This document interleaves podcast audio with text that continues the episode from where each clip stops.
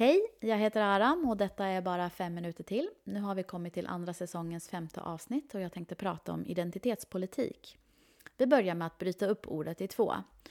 Politik är enligt Nationalencyklopedin processen att erövra och utöva makt i offentliga sammanhang. Samma källa definierar ordet identitet som personers eller gruppers egen identifikation som tillhörande en bestämd kultur, etnisk grupp eller nation. Det definieras också som medvetenhet om sig själv som en unik individ. Och i Oxford Dictionary så förklaras ordet identitet med the condition or fact that a person or thing is itself and not something else. Det kan ju lätt bli lite filosofiskt som ni märker och personen som sägs ha myntat ordet identitet, psykologen Eric Erikson, verkar själv ha haft svårt att definiera det. Och det kanske är därför det råder så delade meningar om vad det egentligen betyder. Så Mikael Klintman som är professor i sociologi hävdar att det viktigaste för oss människor i samband med evolution har varit att hålla ihop och känna gemenskap. Och ett av de sätten att känna den gemenskapen, det vill säga stärka sin grupp och sin grupps identitet, har varit att skapa konflikter med andra.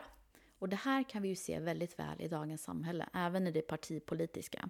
Vi kan se hur politiker omvandlar frågor som egentligen är antingen salt eller falskt till identitetsfrågor. Som exempel så har vi klimatkris och vaccinationsfrågor. Vi kan också se hur relationen mellan grupper används som ett nollsummespel, det vill säga om vi ger till flyktingar så måste vi ta från pensionärer. När vi inte alls behöver ställa dessa grupper mot varandra, utan vi har ju tillräckligt med resurser till alla. Francis Fukuyama berättar, eh, pratar om hur politik har gjort ett skifte ifrån att handla om materiella tillgångar och höger-vänster till att fokusera mer och mer på identitet. Eh, han anser att begreppet identitet egentligen fick fäste i samband med Civil Rights Movement och feministrörelsen på 60-talet. Eh, då man helt enkelt gick ifrån att bara se arbetarklasskampen i vänstern till att se fler grupper, eh, grupperingar och minoriteter.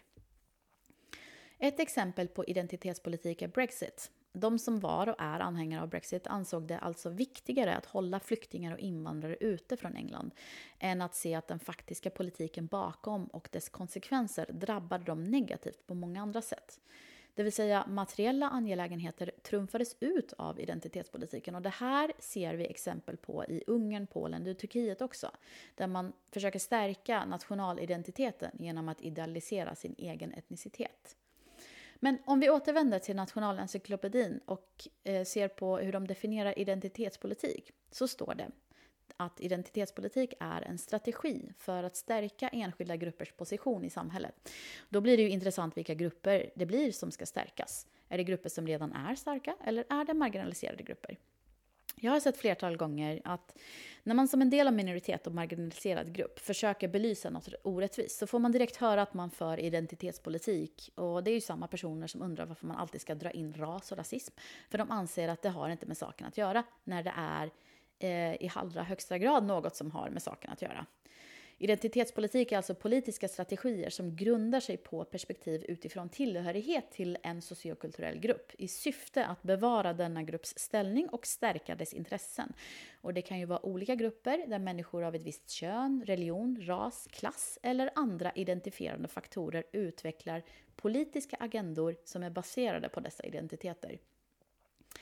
Och vita män har ju fört identitetspolitik sedan urminnes tider. Och när de ser andra föra identitetspolitik som inte centrerar den vita mannen och dess önskan att vara högst i maktposition så börjar de hävda att identitetspolitik är löjligt och inte bör föras.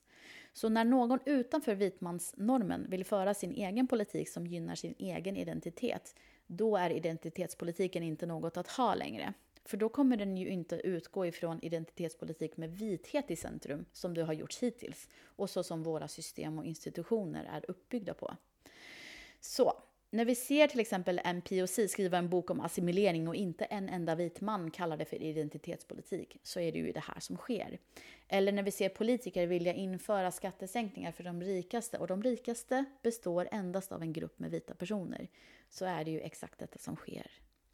Vi hörs och ses på Instagram. Där heter jag aram understreck jajar. Ha det så bra!